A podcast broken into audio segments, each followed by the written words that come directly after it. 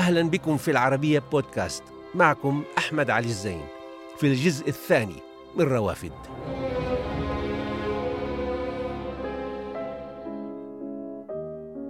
نتابع في هذا الجزء من روافد الثورات هذا اللقاء مع أدونيس.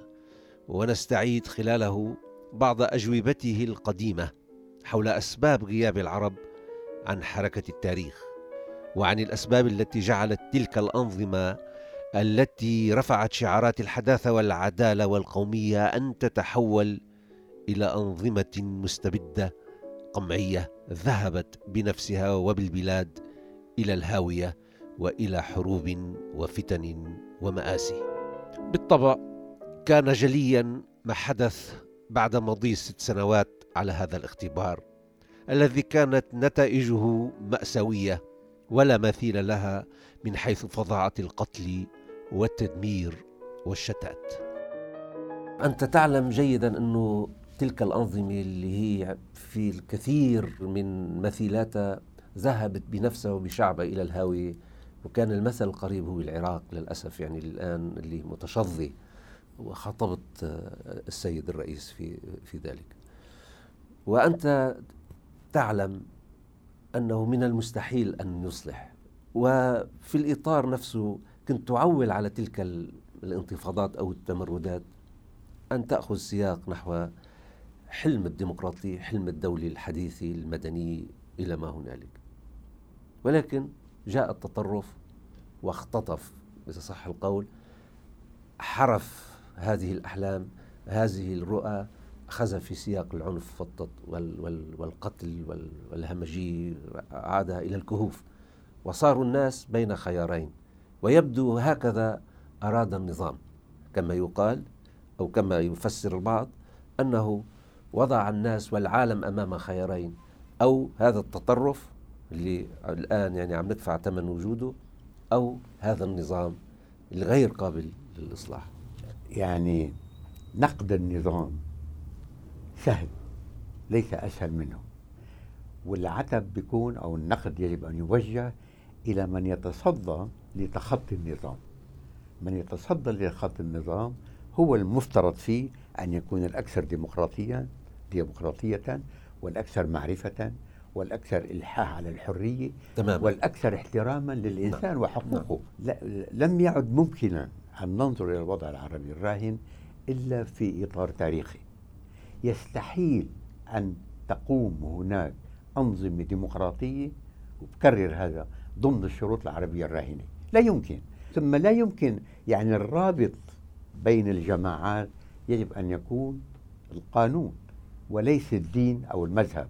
الرابط لا يزال الدين والمذهب. لذلك يستحيل أن تكون هناك ديمقراطية. ثم الثقافة الإسلامية تاريخيا ثقافة قائمة على أسس لنظام حكم لا علاقة له بالديمقراطية. نظام مستقل وخاص ويجب أن يدرس في حد ذاته نظام الخلافي. يعني عم تقول كأنه هذا هو كأنه هذا هو هذه المرجعية الجاهزة اللي استغلت التطرف أو بعض الجماعات اللي الآن اللي هي خلافه داعش يعني إذا صح القول. لدرجة تدفعك إلى شبه اليقين أن ما كان مقصودا في العراق ومقصودا في سوريا ومقصودا في ليبيا لم يكن لم تكن الأنظمة بحد ذاتها. كان المقصود أن تدمر البلدان وتدمر مؤسسات البلدان ويرجع ترجع التناقضات المذهبية إلى إلى ما كانت عليه يعني بعد 14 قرن يرجع الصراع سني شيعي. هذا الشيء غير معقول يعني.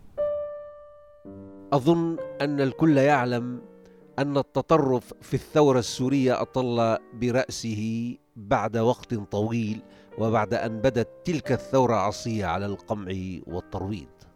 وأظن أيضا أن الكل يعلم أن بعض قادة هذه الأحزاب الدينية المتطرفة كان في السجون وأفرج عنه ثم بدأت قوافله تتوافد من هنا وهناك وكأن الأمر مدبر إلى أن نما بشكل أكبر من المتوقع وتكاثر وبدوره خرج عن السيطرة كحال القاعدة سابقا. ترى ما هي الأسباب التي جعلته في الواجهة وبهذا الحجم وبتلك القدرة؟ لا يجوز أن يعني نستغرب أنه ما في تحرك في العالم العربي وحتى في العالم كله خارج النفوذ الأجنبي بشكل أو بآخر. لا يمكن. علاقة يعني المنطقة العربية على أهميتها الكبرى كجسر بين آسيا وأوروبا هي مجرد فضاء استراتيجي بالنسبة للغرب ومجرد ثروات. علاقة العرب بالخارج أولا يجب أن تدرس. لماذا العرب ليسوا إلا مجرد أدوات؟ لماذا؟ هذا هو السؤال. السؤال الثاني لماذا هذا الإسلام العظيم؟ بدل أن يكون معاهد علمية كبرى وجامعات علمية كبرى ومراكز أبحاث. إلى آخره نعم. لا تجد جامعة واحدة واحدة إلى مستوى في كل العالم الإسلامي. لماذا المسلمون مليار وربع المليار لا تجد مفكرا واحدا واحدا؟ وبتقول إنه في قراءة جديدة للإسلام. لا يوجد. يعني الإسلام اليوم على عظمته. يعني زملائك مثل صادق والله يرحمه هذول منبوذون. هؤلاء ليسوا مفكرين مسلمين. هؤلاء منبوذون. نعم نعم. مثل ناصر حامد أبو ناصر حامد. مثلا. والجابري ومحمد أركون. كلهم نبذوا. أنت يعني تعول على هذه المؤسسة الدينية أن هي تنتج مفكرين تنويريين يطرحون الأسئلة على على نصهم وعلى تراثهم. هذا اللي يعني أنا أنا ولدت في ثقافة إسلامية وإن كنت غير متدين لكن أنا أتمنى أن يكون عندي في الإسلام رجال مفكرين ومتدينين لكن هذا لا يوجد. جميع كل الفكر الإسلامي اليوم هو اجترار وتكرار لما قاله السابقون. يوجد كان يوجد كان يوجد في لبنان وفي أماكن أخرى بعض المفكرين المعممين التنويريين ولكن قتلوا أو أو ذبحوا أو فجروا فجروا بسياراتهم. طيب انت وأنت أدرى يعني في لبنان يعني كم هذا دفعنا. هذا سبب آخر. نعم. يدعم ما اقوله نعم صح. سبب آخر يدعم ما اقوله يعني كأنك عم تقول لا يوجد أمل لا خلاص. لا ما عم بقول لا يوجد أمل. نعم. عم بقول يجب تحليل. ما هو قائم. من من سيحلل؟ إذا إذا لم نفهم ما هو قائم لا يمكن أن نبحث عن حل. أنت في عالم مطوق. بدك تشوف جدران اللي عم بتطوقك. نحن لا نقرأ الجدران. يجب أن نقرأ الجدران. نعم. حتى فينا نخرج منها. لكن هل رأيت يوما واحد يعني مرة في كل تاريخ العرب الحديث في شخص واحد فقط اعترف مرة بخطأه؟ من هو؟ هو عبد الناصر. نعم نعم. قال أنا أخطأت وبدي أستقيل. بس وبتعرف مثلا قامت الجماهير وقالوا لا. ليش؟ نعم. لأنه الواحد إذا أخطأ بتقاليدنا انتهى كل شيء. لا يجوز أن يخطئ الواحد.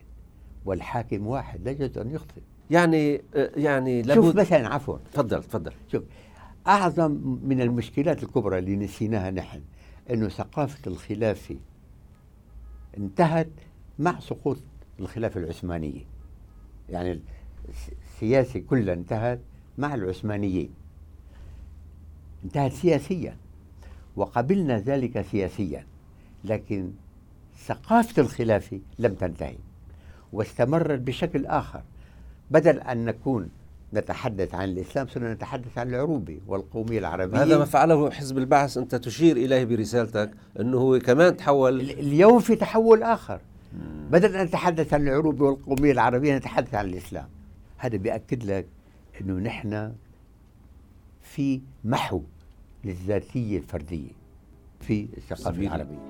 بدون شك الكل في النفق أفرادا ومؤسسات. البعض يرى والبعض الآخر قد لا يرى.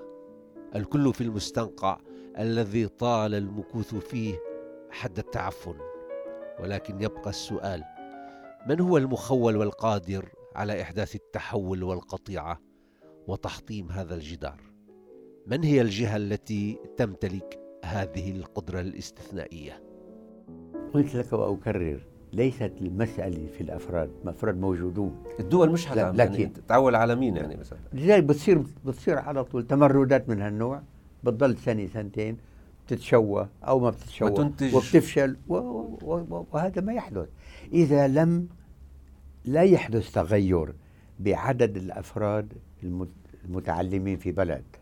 لو أخذت لبنان نموذجا ستجد كأفراد ستجد أن جميع اللبنانيين متفوقون بمختلف الميادين ومتعلمون ويتفوقون بارزون في العالم كله لكن لو أخذت لبنان كمؤسسة كنظام نعم, نعم. كسلطة كجامعة نعم يعني كأفراد بيكون في طليعة العالم لكن كمؤسسات وكأنظمة هو في آخر العالم هذا نعم. هو نعم. وإذا بدك بدك مؤسسة لا يتغير المجتمع إلا إذا تغيرت مؤسساته. ما حدث ما حدث في سوريا ذاتها أن يسبى شعب سبي بكامله من اليزيديين أن تسبى نساء وتوضع في أقفاص وتباع تباع وهي في أقفاص أن يقتل البشر على الطريق الذبح من خلف أو الذبح من وراء لمجرد كونهم ينتمون إلى طائفة معينة. كويس. هؤلاء مجرمون. لكن هل حدثت إدانة واحدة من مؤسسة دينية رسمية أو حدثت إدانة جماعية؟ لم تحدث. أدانها أفراد مثلنا لكن الشعب لم يدينها. ليش؟ أنه هذه الثقافة متغلغلة في النفوس. لا يمكن إلا الخلاص منها. نعم. حتى نأمل. طبعا شعب سيجد ذات يوم حلوله لأن الشعب لا يمكن اليأس من الشعب. نعم. إنما نعم. في هناك خطوات يجب أن يقام بها خطوات عملية حتى تبني عليها لماذا يعني الثورة الجديدة الإسلامية إذا بدهم يعملوا الثورة الجديدة هي قراءة الإسلام قراءة جديدة بحيث يصبح تجربة روحية فردية وبحيث نلغي حتى مثلا الإمام الشافعي يقول كلمة هذه لازم يعرف المسلمين يكرروها المسلمين ويدرسوها من قال برأيه في القرآن فهو مخطئ وإن أصاب. لا مكان للحرية الفردية في الثقافة الإسلامية. من قال برأيه في القرآن فهو مخطئ وإن أصاب. رأي من إذا رأي الجماعة. طيب من هي الجماعة؟ من الجماعة؟ يعني الجماعة أسست لأنظمة استبدادية حتى لو لبست عباءة العروبة وأسست لأنظمة أخرى حتى لو لبست العباءة الدينية. هذه هي المشكلات التي يجب أن نجابها. نعم. أما أنظمة طغيانية كل حياتنا أنظمة طغيانية يا عزيزي أحمد. نعم. كل حياتنا. نعم. نعم. في أسئلة جزئية يعني ما يحدث أي واحد منا ممكن يفكر فيها يعني أو يتأملها. إنه التفريغ الديموغرافي لبعض المدن والقرى والأرياف. تدمير الحواضر تقصد تدمير الحواضر خاصة في تدمر وفي حلب وحتى نقول الموصل وجزء من حمص التاريخية وتهجير الناس حطهم بالحافلات يعني بكل أطيافهم ربما من هون علويين ومن هنا سنة من هون شيعة ومن هنا مسيحيين. وأمام مظلة العالم كله يتفرج العالم عبر الشاشات على هذه المأساة. أنت كيف بتفسر هذا يعني يأتي التقسيم هو جزء من حل أو بالآخر يعني رايحين على على المزيد من الذبح والقتل والحروب الأهلية. نحن لازم أيضا نرجع للتاريخ. في عنا صار أولاد عمنا في عنا إسرائيل. لا يمكن فهم ما يحدث في البلاد العربية إذا وضعنا إسرائيل بين هلالين. إسرائيل جزء من اللوحة جزء تمام. أساسي. هذا أولا. ثانيا لا يمكن فهم ما يحدث في العالم العربي إذا أقصينا أوروبا وأمريكا عن هذا العالم. وإذا في عندنا في اللوحة العربية الإسلامية عنصران أساسيان. يجب أن نراهما باستمرار لكي نفهم أكثر أو بشكل أدق وضعنا. تحليل العلاقة بين العرب ككل وإسرائيل والآخر الأمريكي الأوروبي لأنه تنويع على إسرائيل أو بشكل أو بآخر هذا هو مشكلتنا. ومشكلتنا الأولى ذاتية مع تراثنا. نعم. يعني أنا قلت مرة في حالة من اليأس أنه نحن شعب ينقرض. أنت معي في الحوار. شعب ينقرض. ينقرض بأي معنى؟ أنه لم يعد لنا حضور خلاق في بناء العالم نعم. كشعب غير موجودين. يعني آه، هذه العوامل اللي ذكرت أنه ما تغيب عن ذهننا أو عن الصورة فلسطين سؤال فلسطين ووجود إسرائيل ودور الغرب أمريكا والغرب بشكل عام في يعني هن مسؤولين أيضا عن مسؤولين عن هالمذبحة اللي عم نعيشها وعن تدمير حواضرنا. لا ما حدث في فلسطين يا أخي إنسانيا. نحن نكون ضد الفلسطينيين ونكون ضد الشعب الفلسطيني بس إنسانيا تاريخيا لم يحدث ما حدث لشعب في العالم كما يحدث للشعب الفلسطيني.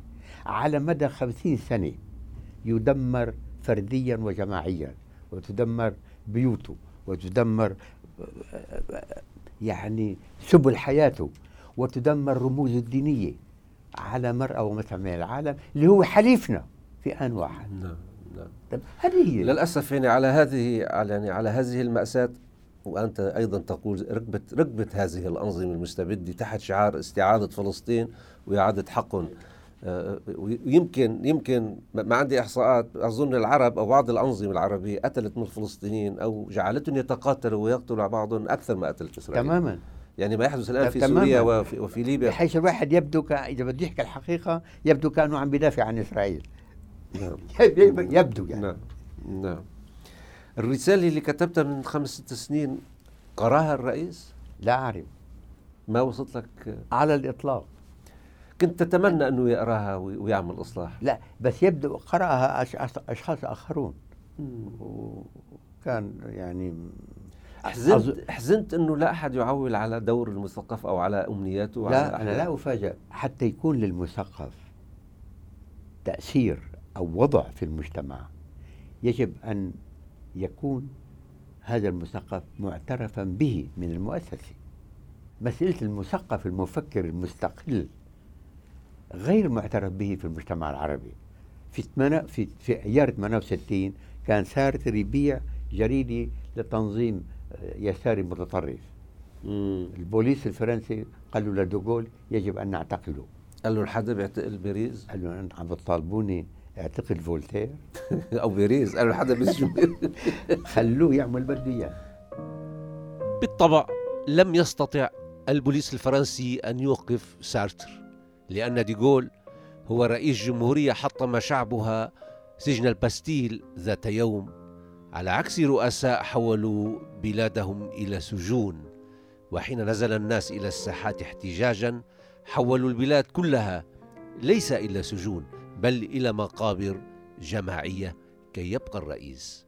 ومن نجا من المذابح مثقفا كان أم مواطنا عاديا ركب الحافلات والقوارب إلى المنافي أو إلى المجهول. تراكم تراكم المواقف والكتابات آه، جعل الناس يقول رجع أدونيس لعباءة الطائفة. مثل الكثيرين من المثقفين في الطوائف الأخرى بيقولوا كمان رجعوا لعباءة الطائفة. طيب يعطونا مثل واحد. أنه كيف عد؟ طيب أعطونا مثلا واحدا أنني كتبت يوما مقالا جملة واحدة بتدل على هذا الشيء. بركي مثل بركي هن عم يقروا تحت بعدين السطور. أنا لا بركي يقرؤون تحت لا. السطور. بعدين أنا لا لا لا أحاكم الناس بالنوايا يعني. نعم نعم. فإذا أعطوني مثل واحد بعدين أنا لا أحب أن أشكو لا أشكو. أنا لو بدي هلأ أفتح الشكوى وقل لك شو صار فيي خلال هالخمس سنوات هذا بقول لك إياها بيني وبينك. بس أنا ما بحب استغل الشاشة حتى أشكي همومي وما يحدث لي ابدا على الإطلاق.